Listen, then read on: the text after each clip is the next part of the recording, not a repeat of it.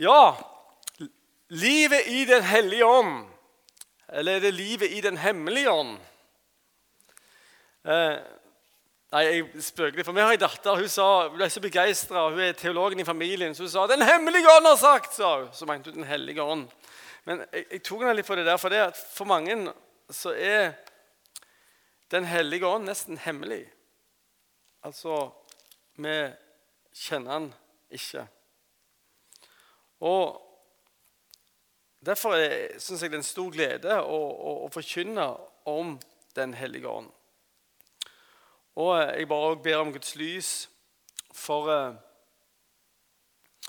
over møtet i dag. Kjære far, vi trenger at du kommer ved din ånd og bare viser oss hvem du er, hvem Jesus er, og Den hellige ånd er.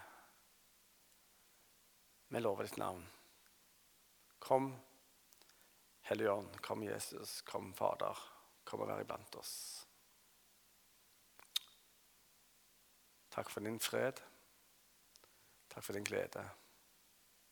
Takk for din frihet. Amen. Uh, så når jeg vokste opp i, i, i samband, så var det noen ting som var veldig viktig vi gjorde på hver tale. da. Jeg vet ikke om du har det sånn ennå, altså. men det var, det var, veldig viktig. Og Det var det at vi proklamerte evangeliet. Det har jeg en veldig glede av å gjøre. Jeg, jeg har blitt sånn, Siste året har jeg reist rundt i verden faktisk på fem kontinenter.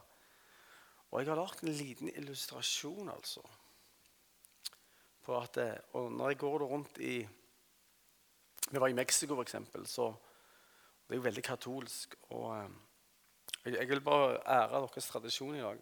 og Det er for den som jeg er oppvokst med. For det skal enhver tale inneholde Golgata-verket, og det er viktig. Og eh, hold dere fast her. Og Da vil jeg spørre noen da, Hvis, sa, hvis du spurte de eh, jeg tror du på Gud, så ja, ja, si, si, si, sa de alltid. Og, men spurte du har du hørt de gode nyhetene. Så sa de hmm, nå, nei. Så sa jeg har du tre minutter? Ja, si, si. Kan jeg fortelle evangeliet? De gode nyhetene. Jeg bruker ikke ordet evangeliet. To-tre minutter. Ja, sa de. Så da var det jeg gjorde. Her er en proklamasjon til ære for Jesus. Så sa jeg det. Kjære venner. Så, kjære menn, sa jeg. Vet du hva? I begynnelsen så levde Gud med mennesket i harmoni og fred med Gud. Mennesket var skapt av fellesskap med Gud, skapt i Guds bilde. Men så skjedde det triste at mennesket det vendte seg vekk fra Gud. Og da kom alt unna i verden. Død, stjeling, synd, mord. Og verden ble en vond plass å være. Men Gud Fader, Guds sønn, og Gud den hellige ånd hadde en redningsplan for oss. For oss alle sammen. Så pekte jeg på ham som sto foran meg og sa vet du hva? For så høyt har Gud elsket verden at han ga oss sin sønn til nedbåndet for at verden som tror på ham, ikke skal gå fortapt, men er evig liv. Gud sendte Jesus til å leve ditt og mitt liv.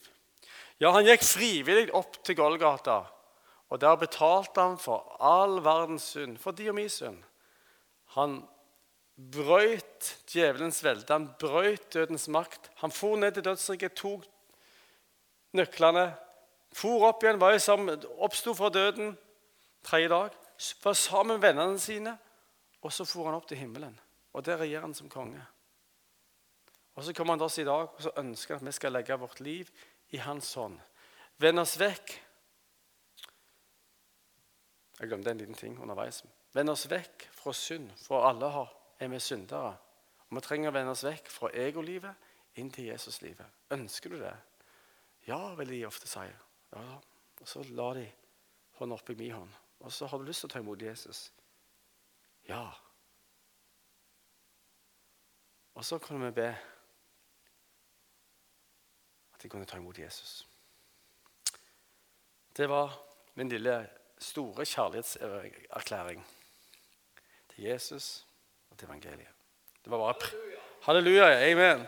Så det var preludiumet her, i respekt av en tradisjon. Men hvem er Den hellige ånd? Da må vi lese litt. Mariel Marke, Gud elsker, Den hellige ånd elsker evangeliet. Og Vi skal lese en, liten, en stor tekst på å si, fra Johannes 16. Eh, vers eh, 5 eller 4b står det. Det står det sånt om talsmannen. Johannes 16, 4b osv. Jeg fortalte dere ikke dette fra begynnelsen av. For da var jeg hos dere. Nå går jeg til ham som har sendt meg, men ingen av dere spør, hvor går du hen? For sorg har fulgt deres hjerter fordi jeg har sagt dette. Men jeg sier dere sannheten. Det er det beste for dere at jeg går bort. For dersom, dersom jeg ikke går bort, kommer ikke talsmannen til dere. Men går jeg bort, kan jeg sende han til dere. Og når han kommer, skal han gå i rette med verden og vise dem hva som er synd, rett og dom. Synden er at de ikke tror på meg. Retten får jeg fordi jeg går til Faderen, så dere ikke lenger ser meg. Dommen er at denne verdens første er dømt. Slik lyder Herrens ord. Jeg er utdannet prest og har studert gresk. Det har vært et stort privilegium. Og Ordet her som blir brukt på talsmannen på gresk, er det H. parakletos. Og Det egentlig betyr en som kalte står ved siden av i klassisk gresk. Det ble brukt i rettssalen. Si at jeg sto her, og dere, dere var anklagerne her. Så kunne jeg tilkalle en som kunne stå ved siden av meg og være min talsmann, min advokat, min trøster, min rådgiver, min forbeder, min hjelper. Så vi ser at dette ordet her har minst seks betydninger, om du vil. Valører, toner. Seks betydninger. Og ut fra dette enkle her, for det er vanskelig å snakke om Den hellige ånd Livet i Den hellige ånd på la oss si 40 minutter. Jeg pleier å bruke ei uke jeg, sånn, på bibelskoler rundt om i verden. Så jeg måtte bare ta en lite sånn tverrsnitt her. Sette i gang. Men la oss ta det første ordet her, da. Talsmannen som advokat. Vel Det står at en advokat han jo, Hans jobb er jo å overbevise. Ikke sant? Det vet vi. Men denne Den hellige ånd han er en totalt ærlig advokat. Han sier alltid sannheten. Totalt ærlig, totalt sann, totalt god, totalt rettferdig. Vel, Teksten her sier noe om hva han skal overbevise om, og det er faktisk ganske oppmuntrende. Det han sier, han skal Og når han kommer, skal han gå i rette med Andre oversettelser har altså det engelske 'convict', overbevise verden. Vise hva som er synd. Og det vet vi jo. Det er veldig viktig. Eh, det minner meg om en annen litt morsom eller trist eh, eh, episode da, fra et evangeliseringsteam som var på et gamlehjem og skulle evangelisere. Og så sa de til en gammel mann ja, Jesus er glad i deg. Hvorpå han svarte 'Det skulle bare mangle', sa han. Så, så kan du si Enten har han skjønt det voldsomt, eller han skjønte ingenting. Og jeg tror kanskje det var det siste. Altså Vi trenger en overbevisning faktisk om at vi er syndere som trenger Jesus. Så, nå skal jeg ikke ta Kristin opp her, men, men hun vokste opp i en sånn anglikansk der hun trodde på Gud. Så Helt til søster sa ja, men djevelen òg tror på Gud. Ops. Og så ble det en sånn en spore til Den hellige ånd begynte å jobbe. Så hun skjønte at jeg må jo komme til Gud, komme til Jesus og, med mine synder, og at han blir virkelig. Og det Den hellige ånd gjør. Han overbeviser oss om at vi trenger Jesus fordi vi, vi har synder. Men så skjer det noe mer her. skjønner dere. Det er veldig fint. Tre ting overbeviser han oss om. Nummer én problemet mennesket har. Rotproblemet synd. På gresk hamatia. Litt for trøtt til å komme på det hebraiske, men begge deler betyr faktisk å eh, bomme på målet. Vi har rett og slett tilbudt oss sjøl istedenfor Gud. Fortell en liten historie. Vi ser det i mange former i dag. Og, ja, det, er fint. Uh, dere vet denne store debatten som ble om Martha. Vi hadde bønn dagen før det der møtet skulle skje. Og vi følte Den hellige ånd. Vi ble ledet av Den hellige ånd i hverdagen. To fikk det på hjertet. Gå ut der og be. Så vi dro faktisk ut i strandleiren, en liten gruppe, og ba. Og morsomt nok så traff vi en fotograf fra et magasin som nok neppe dere eller jeg leser ofte. Jeg leste forresten i går. Da var jeg og trimte, og da var det der, så da tenkte jeg nå fikk jeg sjekke litt. Men der var det en fotograf, og så, så kom, jeg, kom jeg drøs. Og så sa Klassisk kristendom er at vi tror på vi tror på den høyeste Gud, den sanne Gud, og at vi ber til Han i navnet Jesus. Det å be til engler det er en avsporing. Det er brudd mot første bud. Da lyse og mørke engler. Det er farlig. Eller, ja, dere skjønner tegningen. Så hadde jeg ei på teamet som var hakket frimodigere enn meg. Hun delte evangeliet henne. Og vi skulle dra i gang og be her, og plutselig ser jeg hun står og klemmer på henne. Voldsom klemming. Og det som hadde skjedd, det var at hun Berit i teamet vårt hun hadde, hadde, delt Jesus med henne. Hun hadde åpna hjertet opp. Og ikke bare det. Hun hadde tatt imot Jesus, men hun kjente at Guds kraft kom. Og gleden kom. Og jeg tenkte det er den dans av engler i himmelen, tenker jeg. Så, så midt utenfor der så, så, så var jeg frelst. Halleluja. Er ikke det flott? For det, det, det er den verden vi lever i. Så var Den hellige ånd der og overbeviste henne. Jeg trenger Jesus. Men så, så overbeviser han noe annet òg. Og det er han overbeviser om løsningen. Rett. Legg merke med her, vi bli litt teologiske. Retten er at jeg går til Faderen. Veldig viktig. Du skjønner, Jesus døde, han sto opp, og han, han oppfylte all rettferdighet. Så han er løsningen. Og juridisk sett så godtar altså da Gud Jesu offer ved at han tar imot ham. Dette blir en litt høyt plan. Glem det hvis dere ikke forstår det. For Husk det gamle for Det er nok det som Jesus gjorde. Hvis du forstår det, så er det nok. Men men det, det er interessant. altså Jesus død, soning, oppstandelse det, det, Den retten godkjenner Gud. Retten at jeg går til Faderen. Ja, han, han, kan gå til Faderen, for det han har gjort, er fullkomment. Og Poenget da det som jeg lærte på, eh, i, på søndagsskolen i Misjonssambandet på Gandal, Arne Egeland, han sa ikke sant, sant? Vi er syndere, vi kan skjule oss i Jesus. Det Jesus har gjort, er rett. Hvem er det han ser? Han sier Jesus. Jeg er skjult i Jesus. Ok, Vi trenger overbevisning om det òg, skjønner dere. Og det er veldig viktig at vi lar Den hellige ånd få overbevisning om begge de to tingene der. Problemet med syndere, men løsningen Jesus har betalt, og vi kan være i Han. Den tredje tingen Det står en ting til her. Mm. Dom. Interessant.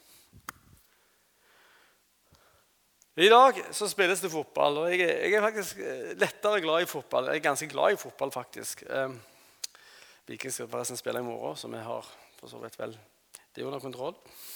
Men, eh, men de skal spille i morgen, vet du. Og da får de dommen en, Etter enhver kamp så er det en dom. Vinner, taper. Og han, han den hellige ånd han overbeviser oss om rett og slett hvor seieren ligger henne. Det ser vi her. Eh, dommen er at denne verdens første er dømt.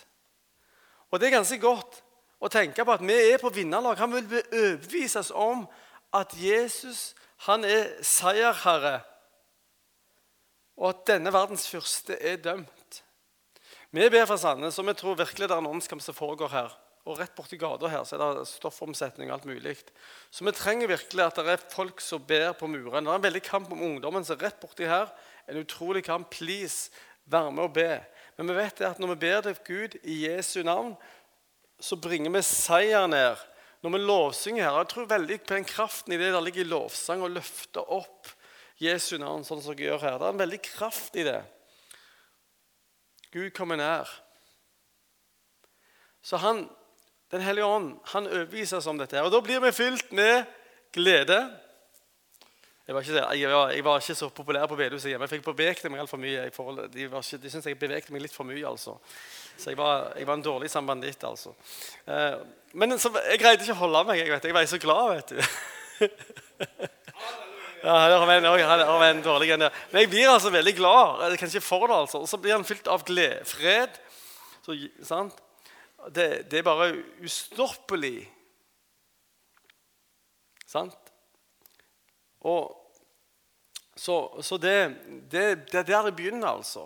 Og denne gleden den, den bærer igjennom sorger og gleder i livet som møter oss alle. Denne gleden i Den hellige ånd. Så han er altså en, eh, en advokat. Og, og, og det, holder, altså. Han, og, og, så klart det at jeg har blitt overbevist om synd etter jeg ble frelst òg. Så hvis jeg hadde sagt noe til kona noen ganger, så det har skjedd faktisk, så har Den hellige ånd sagt ja, det der var ikke bra. Og da er det ikke, da er det ikke som fordømmelse, men da er det en overbevisning. Greier dere forskjellen med den? Altså, En fordømmelse er at du er ikke noe, du er ikke noe verd. Du er håpløs for deg. Det er en fordømmelse. Men overbevisning, det vet du, det treffer. Det, den overbevisning om synd den vil alltid, En sann overbevisning om synd den vil alltid være sann, og du vil vite at den er rett. Skal jeg ta det en gang til? Du forsto det? Ja, det var, altså, jeg bare synes dette er veldig viktig at dere forstår forskjellen på eh, altså fordømmelse og overbevisning. For det, jeg, var, jeg visste bare når Helligånd sa at det der ordet skulle du ikke sagt til såra kona di, går og gjør opp, så visste jeg det var sant. Ok, Jeg måtte svelge stoltheten. Så jeg, du, jeg sa det, jeg beklager, jeg skulle ikke sagt det. Tilgi meg. Våre døtre, da Vi har to vi har, vi har, vi ei hjemme hos Herren som er fire her. Vi er veldig velsigna. Og de to eldste, da, når vi gjør opp sånn, så, så gjør det noe med de. Når vi tør framfor de og ber om tilgivelse. Når vi blir overbevist om synd så gjør vi det i hverdagen òg. Og da syns de det er veldig søtt når vi sier 'beklager, kan du tilgi meg'? For dette er noe vi må leve ut i hverdagen, og det gjør oss til autentiske, sanne kristne. Så den delen òg av å være en kristen, den er viktig. Men tør Ydmykhet, sann ydmykhet, er eh, å være kjent for den en er. Sånn falsk ydmykhet det er sånn at en ikke er kjent for det en er og sånt. Og det kan være litt farlig, faktisk. Var, vi hadde et sånt fengselsteam på Gandal. Så, så var jeg inne på Åna, da, og så var det en kar som sa ja, jeg skulle lede møte. da, Så sa han ja, jeg er ikke så flink i dette her, sa han. Hvorpå en av de innsatte sa ja, hvorfor står du der da? sa han. Og, så, De tok veldig den der litt sånn falske ydmykheten. Den var bare tatt tjang. Så ikke det jeg snakker om her. Men... Eh, Altså, Vi være ydmyk for den er OK. Ops, tida går. Tida vår fiende i dag. Men tar dere den der, den der med den overbevisningen Jeg har litt til på den. Dere greier litt til her. He? Bare så vidt kommet i gang. Eh, Romerne 8, der står det om, eh, om dette her med, med Den hellige ånd. Og eh, skal vi se her nå, Roman 8, 12. Derfor, brødre, skylder vi ikke den onde natur noe, så vi skulle leve etter den. For hvis dere lever etter den, må dere dø. Men hvis dere ved ånden dreper kroppens onde gjerninger, skal dere leve. Alle som drives av Guds ånd, de er Guds barn. Dere har ikke fått trelldommens ånd, så dere igjen skulle være redde. Dere har fått barnekårets ånd, som gjør at vi roper 'Abba, far'. Ok, Her er det ikke popgruppa ABBA. Det er snakk om et arameisk ord som betyr pappa. Altså det, det, er utrolig revolusjonerende. Hvis du tenker på at Jødene de hadde sånn respekt for Gud at de ikke tørde å kalle ham for far. De sa bare 'den høyeste'.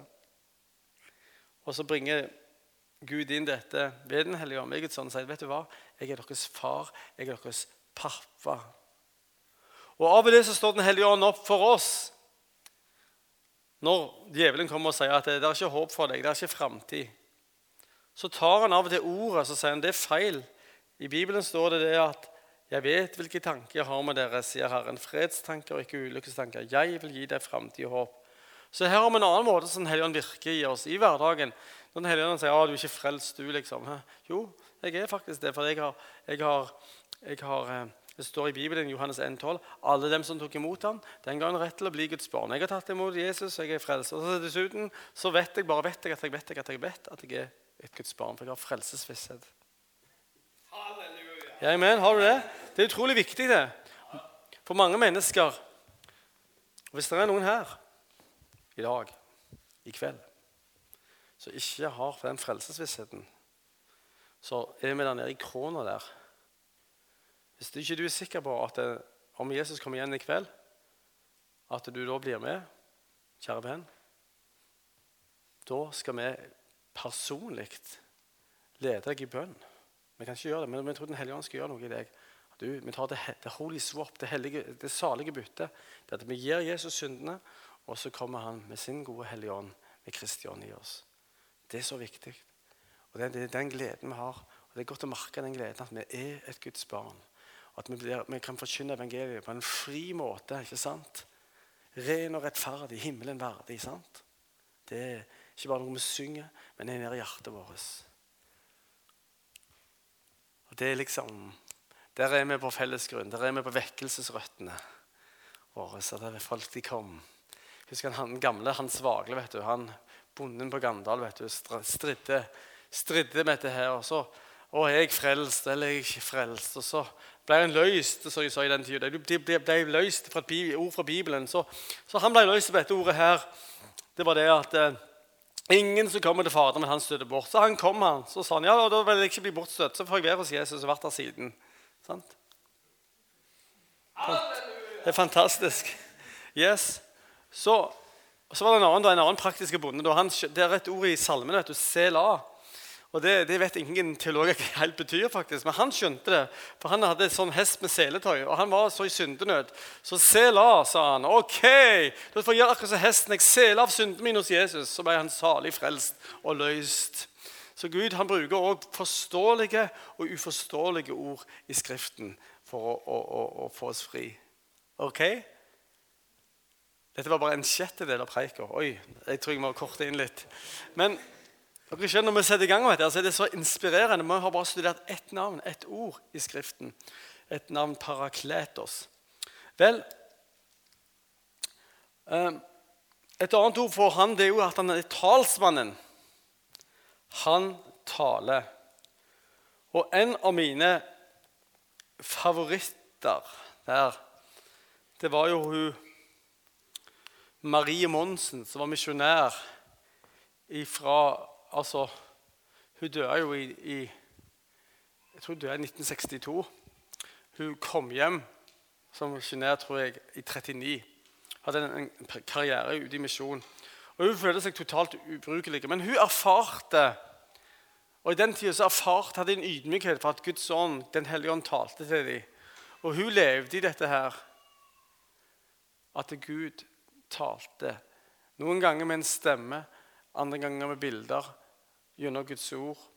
Veldig mye gjennom Bibelen, at de fikk bibelvers. Men òg gjennom andre måter. Er åndens stemme, bilder. Så det, det, er en del av eh, holdt jeg på å si, deres tradisjon. At han taler på forskjellige måter. Men ordet vil alltid være det viktigste, for det er der alt prøves på. Og eh, Det med Guds ledelse kan være vanskelig, men ikke gjør det så veldig vanskelig.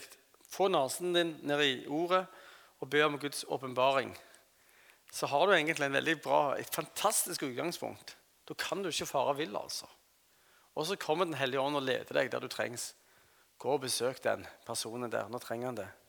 Jeg har en venn nå, og eh, av og til så er det sånn vet du, at vi er litt opptatt av mennesker. og Han mista mor si, og det var veldig tøft for han.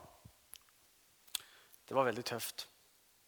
Og eh, jeg har jobba utrolig mye i det siste. Så eh, jeg jobba 19 dager i strekk til fredag. Et par av de var ikke helt fulle dager, men jeg var skikkelig trøtt. Og så var jeg sjuk i tillegg. Og så skulle jeg i begravelse på, på fredag. Så tenkte jeg da tar jeg bare en time. altså. Det er min fridag. det er min fridag. Men så kjenner jeg på Den hellige ånd sånn Nei.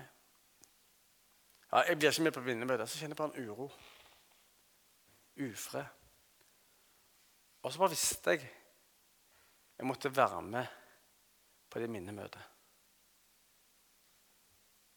OK, så får jeg bare være lydig, da. og så sitter han gjennom det minnemøtet der. Og så vet jeg det betyr masse for han. Men så er det da det skjer, altså. For her har vi Den hellige ånd i hverdagen. Han peker ut to personer for meg. På det, på det Far og datter er faktisk ganske, ganske innflytelsesrike i den familien der. Så jeg på vei ut etter å ha vært lydig, syns jeg veldig sjøl. Det var, var koselig òg, men jeg var halvsjuk, og det var min fridag. Og jeg kjente ikke så veldig godt hun, Jeg traff henne tre ganger, men jeg kjenner han veldig godt. sønnen. Men så skjer det, så treffer jeg han, han som Gud hadde peka ut. Og så begynner vi å snakke. Stiller jeg ett spørsmål, og så åpner opp hele samtalen. Så fikk vi si ja, ting er mye mer verdt enn penger. Og så fikk vi snakke om evangeliet, faktisk, om at Gud, Jesus kalte oss til å elske Han og tro på Han. Og så lever jeg jo tro i små ting, akkurat som mor hans hadde gjort. Ja, det er det det handler om, sier han. Ja, Det må vi fortsette med, sier jeg. Så her ser vi at det, når vi er lydige ett steg, som det å gå noe så enkelt som å gå i en begravelse så tar Gud neste steg. Og så viser han oss her er et par personer. Og så måtte jeg bare gå inn igjen, for da visste jeg at det var ei til der jeg måtte snakke med. Og Gud hadde vist meg noe over hennes liv. Så jeg sa, vet du hva? sa jeg. Gud vil bruke dine velsigne dine henders verk. Og så sa jeg det er viktig at du har en ren bekjennelse. For, for Vitnesbyrdet i den, den begravelsen var at farmora ville at alle, hennes største ønske var at alle barnebarna skulle leve med Jesus. Så sa jeg du må ha en ren bekjennelse av Jesus. Ok, Det var tøft for henne å motta det, men det var akkurat det hun trengte å høre. Så jeg dro mett og trett og glad hjem fra den begravelsen. Men igjen et eksempel på at Gud taler i dag. Det er litt morsomt. det kommer Kristin her, for Jeg får aldri bilder, men hun får ofte, veldig ofte bilder når hun ber for folk. Og, og, jeg kan få en setning, og så stemmer det. Og så tredje prøven er selvsagt på Guds ord. Men det er ikke alt vi kan prøve på Guds ord. Eh, jeg forteller om For noen søndager siden så hadde vi besøk av noen i stua vår. For vi lever dette livet her. Vi har et åpent hjem, og vi, vi, lever dette livet her. Og da var det ei som hadde gitt beskjed du, eh, To av søstrene mine kommer. Kanskje dere, Det hadde vært fint om dere kunne bedt for dem. liksom. Ok. Ok. Så vi er klare, og vi, vi tenker da skal vi be for dem. Og, og for en av dem sa jeg meg ja, jeg tror du, det er multiplisering over livet ditt. Jeg tror du er kalt til å multiplisere, sa jeg. Bare kjente Gud ga meg det. Og så Kristin hun så noen sånne sløyfer. Jeg skjønner ikke, så rart, sa hun. Jeg ser noen akkurat sånne sløyfer her. Flere sløyfer, faktisk. Og det vi ikke visste, det var at hun hadde en forretningsidé. Gjett hva hun tenkte å lage. Sløyfe. Barneklemme, ja. Barnesløyfe. Men det var det du så òg, var det ikke det? Jeg så bare sløyfe. Ja. Men det, det, gikk altså rett inn. Og hun ble altså så begeistra, for Gud så henne. Er dere med? Så altså, klart da ble hun liksom Gud, du ser meg her. Så det er akkurat så Gud sa det, det er rett det du gjør. Så Nå står det ikke om barneklemmeslag i Bibelen, men da er det sannheten som, som, er testen, kan du si. Ok, Så et bibelsk eh, referanser for det med talsmannen. Tida vår løper litt her. Men eh, du har, jeg kan gi dere tre stykker her. Eh, Apostelgjerningene 13, 2. For eksempel, der står det veldig klart eh, Da sa Den hellige ånd, står det der. Eh, en gang de holdt gudstjeneste, og fastet, sa Den hellige ånd, ta ut Barnabas og Saulus for meg, så de kan gå til den oppgave jeg har kalt dem til. Etter første bønn la de sine hender på dem og lot dem reise. Her ser vi noe litt sånn veldig bra prinsipp. Den hellige ånd sa, så ba de over det, ba om timing og hvilken måte det skulle skje på. Og når det var på plass, så sendte de de ut. Så det er veldig smart når Gud taler, og be det gjennom. Og så får en klarhet om timing og hvilken måte det skal skje på. Så her var det sånn kollektivt at Gud talte. Men det kan òg skje individuelt. F.eks. når Peter hadde stille stund, og så så han denne duken. Og så Og så sier Den hellige ånd to menn er å spørre etter deg. Du skal følge dem uten å spørre dem om noe. Bare gi referansen der. Eh, det er apostelgjerningene 10.19. Apostelgjerningene 10.19. Så her ser vi at han er en talsmann. Han er en talsmann. Han er en rådgiver. Rådgiver. Han kan gi råd i vanskelige situasjoner. I apostelgjerningene 15 hadde de en sånn en vanskelig situasjon. Hvordan skulle de kristne være? Skulle de, være, skulle de gi avkall på jødedommen eller ikke? Så ba de og fikk visdom. Og da står det det eh, 1528 står det Den hellige ånd og vi har bestemt. Eller Den hellige ånd og vi har besluttet. Så her ser vi at eh, Den hellige ånd ga dem råd. altså. Den hellige ånd og vi har besluttet ikke å legge noen annen byrde på dere enn de helt nødvendige ting. Og så kommer det videre. Så her ser vi at han er en rådgiver. Han er en rådgiver. Han gir råd i klare situasjoner. Og Jeg kunne fortalt om situasjoner der òg. Veldig praktisk, der han gir råd. Men Den hellige ånd, han, han, han, han, er din rådgiver.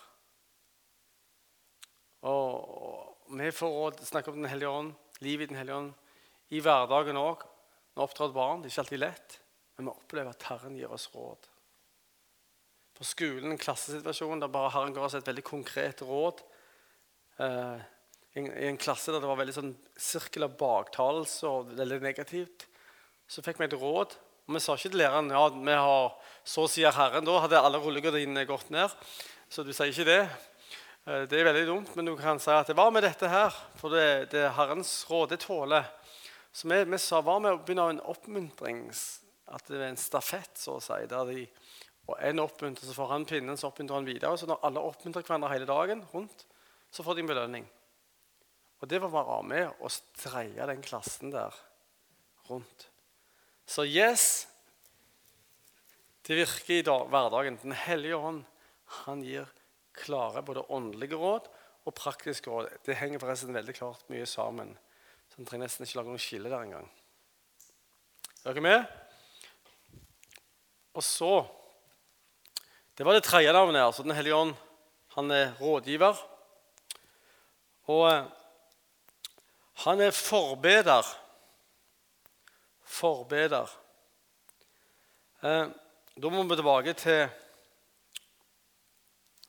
apostelgjerningene 8 igjen. Der står det 8.26. Og eh, på samme måte kommer også Ånden oss til hjelp i vår svakhet, for vi vet ikke hva vi skal be om for å be rett. Men Ånden selv går i forbund for oss med sukk som ikke kan uttrykkes i ord. Og og Gud, som gransker hjertene, vet hva Ånden vil, for det er Ånden ber om. For de hellige er etter Guds vilje. Så her Noen vil si ja, det er tungetalen. Ja, det kan det være. Men det kan òg virkelig være, og det jeg tror også det kan være, så jeg vil understreke her, det at Den hellige ånd leder oss i bønn. Den hellige ånd leder oss i bønn. Han ønsker å lede deg i bønn. Og det, jeg syns det har vært utrolig bra noen ganger når jeg har blitt bedt for sjøl. De kunne ikke ha bedt mer nøyaktig eller om de hadde kjent meg, visst mine innerste tanker. Så har noen bare blitt ledet til å be rett inn i livet mitt. Inn i det jeg trengte. Og jeg tenker på en annen ting veldig konkret òg hvordan en hel verden ble minnet om å be. Eh, nå er det jo høst igjen, og, og det er faktisk eh, over 20 år siden Berlinmuren falt. Men faktisk så begynte det med bønn. At noen, Den hellige ånd talte til noen. Be om at jernteppet må falle. De ba dag og natt i 20 år. De ble ledet av Den hellige ånd til å be. Og jeg, jeg er ganske politisk og interessert. Og alle disse her presidentene før han Gorbatsjov de var veldig ekstremt konservative. Men mot alle odds så kom den muren ned. Og Historien viser jo det at egentlig var det sånn miskommunikasjon som gjorde at han falt. På den tida han gjorde. Så har han utrolig makt i bønnen. Og det, det, er sånn, jeg har bare lyst til å, for det, det handler om livet i Den hellige ånd for meg. Dette, Gud, hva vil du jeg skal be om? Og så legger Gud personer, ting, menigheter, politikere på hjertet. Og så kan vi være med å be, stå på muren. Og så kan vi være med å be og se en by bli forandra. Vet dere hvor jeg tror maktpolen ligger henne? I Sandnes. Noen sa det ligger hos politikerne på rådhuset på Sandnes. Mm, for å si det. Bean not necessarily. Jeg tror makten ligger hos Guds folk, faktisk. Hva? Jeg tror det er en utrolig kraft i bønn. Og Når vi bare kobler oss på Gud og sier Gud, nå må du hjelpe meg. Legg på hjertet mitt. Tal til meg hvordan jeg skal be. Så får du hans bønner. Og så med et bønne til Guds vilje, de bryter igjennom. De bryter igjennom.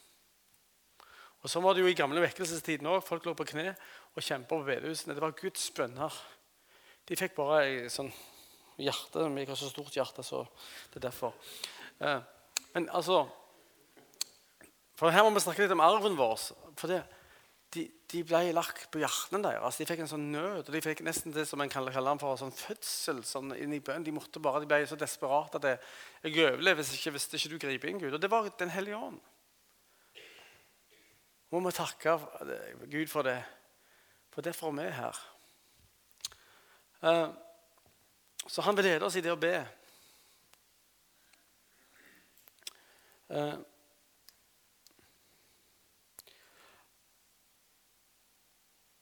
så han er advokat, han er talsmann, han er rådgiver og forbeder. Han er også hjelper. Han er hjelper. Altså, The, the Carpenters sitter her, vet du. Tømmermenn. Tre-fire stykk her.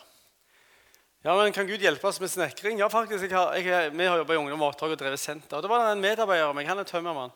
Så dette kan dere ta med dere ut i hverdagen, gutter. Ikke bli late, gjør nøye, arbeid, men, men, gjør det under bønn. Men han hadde et teknisk problem, et byggeproblem. Og så sukka han i bønn opp til Gud og sa Gud, vis, hjelp meg nå. Og så fikk han løsningen. Så sparte han for tre timers arbeid. Og, og fru Tårland her, som også er sivilarkitekt, hun også, altså, Etter hun ble født på ny, altså, så, så ble det fart på tegninger. altså. Du skulle nesten fortalt om det sjøl. Men det er altså Av og til fikk hun tegninger fra, akkurat som fra øverste himmel. Fra himmel altså Kunne bare ta dem ut fra øverste hylle og så rett ned. Så kom de rett på tegnebrettet nesten. altså. Stemmer ikke det? Så, og Jeg, jeg har en, en venn som han er utført. han, han var, fått et veldig vanskelig oppdrag på han jobber med helikopter. da. Et utfattelig vanskelig oppgave. Han foldet hendene bak Gud. Og han fikk visdom til å løse det problemet med en hale, helikopterhale, forresten. Altså, Gud han bryr seg. Han er vår hjelper. Han er din hjelper. Og Jeg hadde en sånn forunderlig lærer en gang vi var på et sånt lærerkurs. En av New Zealands beste lærere. Hun ga oss oppgaver. og så sa hun ja, før dere begynner bakover, så be, si 'Hjelp meg, Hellige Ånd'. Rar bønn å be. Nei, egentlig ikke. Hvis du tenker på at Helligånden var med under skapelsen, så har han masse kreativitet. Kan vi be sånn, da? Ja, jeg tror vi kan be. Kom, Helligånd, hjelp meg. Det kan også, Hvis du vil be veldig teologisk korrekt, så kan du be kjære far, i Jesu navn, send Den hellige ånd til å hjelpe meg. Jeg tror begge deler han hører begge deler, tror jeg. Men hvis du vil ha helt sånn safe, så skal du bare be på den måten der. Begge deler virker. Uh, men, men skjønner dere hva det går i? Altså, Vi snakker om et praktisk liv her i hverdagen der Den hellige ånd elsker å være til stede. For han er din hjelper. Han bor i deg som er kristen. Du har en enorm ressurs så du ikke vet om. Hjelp meg, Hellige Ånd. Kom, Kristi Ånd. Kom, Guds Ånd. Kom, Hellige Ånd. Kom, vær til stede. Led meg, hjelp meg. For dette livet her, det er så Sangeren sier det så fint, så, um, så Talerne brukte på meg i tid å si sånn. Ja, sangeren sier det så fint. Jeg vet ikke om de sier det ennå, men, men de, bare, de sa. Han sier hverdagskristen vil jeg være. sant? Og Det er det det handler om. altså Gudstjenesten lever vi ut eh, i hverdagen. Det er der gudstjenesten vår er. Så Når han er tømmermann, så har han fått kall av Gud til å bygge fine hus. Og Når folk ser på de fine husene, sier nei, så fantastisk hus. Oi, Så ser de oppover og tenker oi, det minner om Gud. Det hadde ikke vært fint vitnesbyrd. Ja, ikke sant? Det er fantastisk.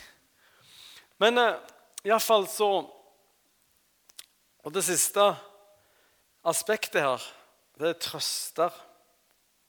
Jeg kan ta en bibelreferanse på det hjelper. Apostelen 8, 29, det er han Philip som uh, Det kommer ei vogn, og så og Han vet ikke helt hva han skal gjøre. en engel talte til han og sa gå ut, gå ut til veien til Gaza og den øde strekningen. sto i vekkelse. Han var lydig. Og der kommer der en sånn en datiden som ville vært en limousin.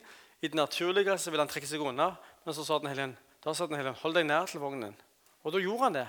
Og det er så fint å se der, da løp han bort. Han var lydig når Den hellige ånd talte. Og Det er òg en viktig aspekt her. Den hellige ånd. At vi lyder når Den hellige ånd talte. Og det som skjedde, at Han var lydig. Da hørte han en som leste Guds ord. Og så ja, forstår du det du leser? Nei, hvordan kan jeg forstå når ingen forklarer det til meg? Så satte han seg oppi og forklarte det. Og da var det liksom sånn, litt sånn Jan Tolland-stil. Da delte det evangeliet sånt. og sant? Noen mennesker snudde seg vekk, og så hadde Gud en redningsplan. Det leser vi om her i Gamle testamentet. ikke sant, er Jesus. Og, og du er en synder, jeg er en synder. Ja, jeg er det. Ja, ja men han, du kan vende deg om til han og leve med han. Ja, ok. Ja, Og så var han skikkelig litt sånn baptist, og så han sa du kan bli døpt òg. sa han. Ok, det vil jeg gjerne bli. Så, så å, der er mannen, kan jeg få bli døpt? Så ble han døpt. Hele pakka med en gang. vet du. Wow.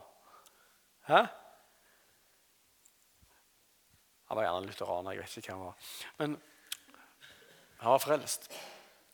Men iallfall Poenget er at en lydighetshandling kan forandre en hel nasjon. Og en lydighetshandling her kan forandre en hel by. Og Det som er så fantastisk, det er at Gud han har gjort seg avhengig av sånne skrøpelige folk som oss. Men så ser han sånn potensial i oss, for vi har Guds ånd i oss. Han har skapt oss. Så han elsker å bruke oss. Han elsker å bruke det som ingenting er. Hvorfor det? Jo, for da får han æren. Og så får vi òg en glede. Tenk, han kan bruke meg. Det er fantastisk. Mot alle odds kan han bruke meg. Win-win situation. Ok.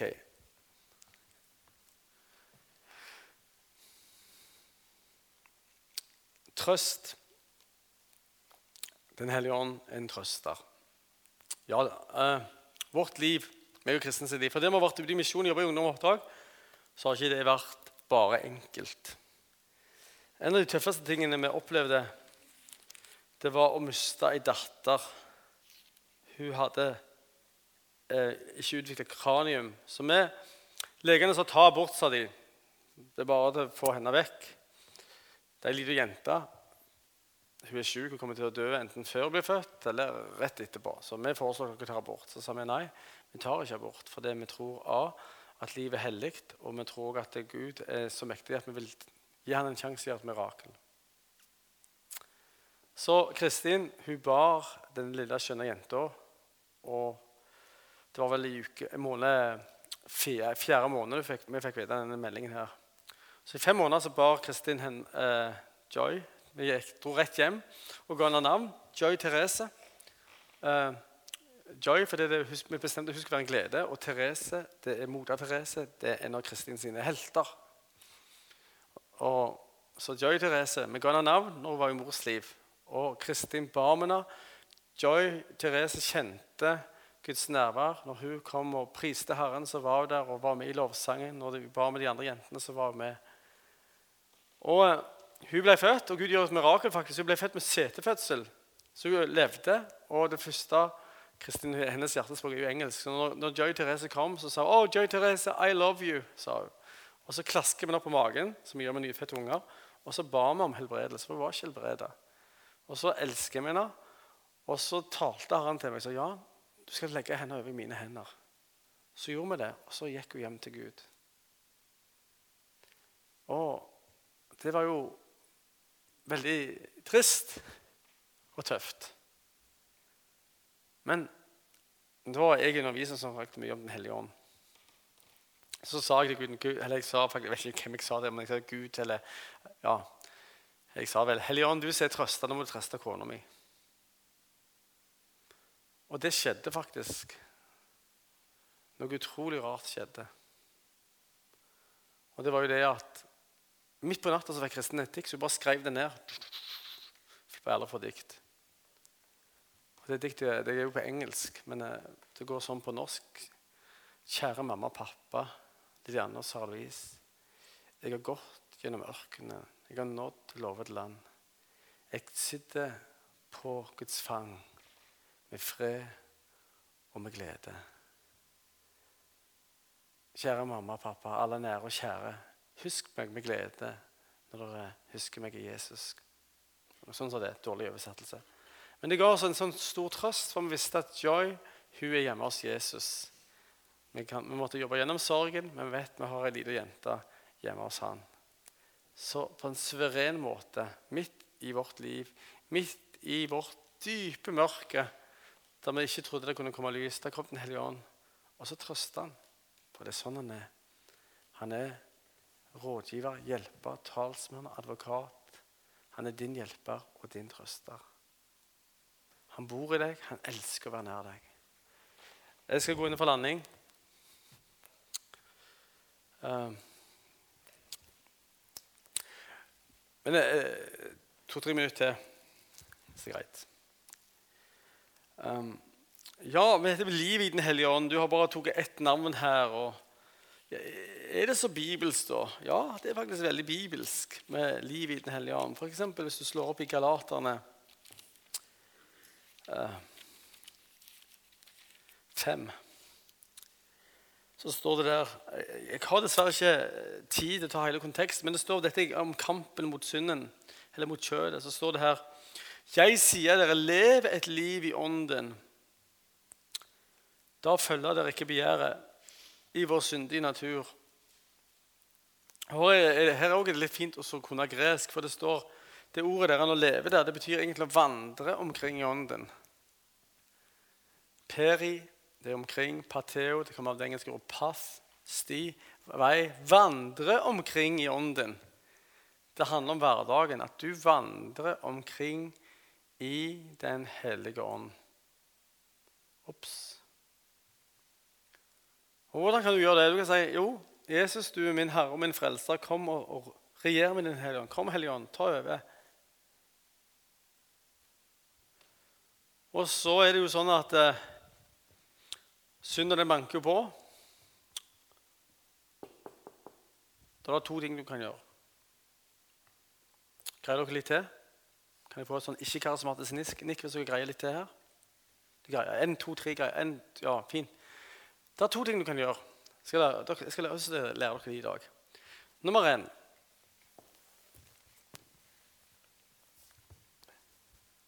Du er død. Spill død, for du er død for synden. Så synd og banke. Jeg er død. Noen hjemme ikke svar. Du er død. For det er det du er. det er ganske altså, Ta dere Vi skal regne som døde for synden, indisponible for synden. Vi er ikke disponible for synd lenger. Men kommer Den hellige ånd og banker på.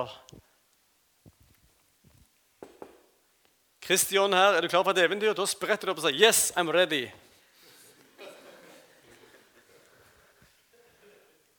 Det gjelder å kile her, ikke sant? Så når fristelsen kommer Da legger du deg ned. Ikke med, ikke hjemme. Indisponerte. Men når Kristian kommer, Den hellige ånd kommer Yes, sir, I'm here. Så det er en annen ting du kan gjøre òg. Kan jeg og be Den hellige ånd om å skape et hat til synden inni deg. Det er, jo, en god ting å gjøre, faktisk. Så sliter med synd, så regner jeg skal dø for han.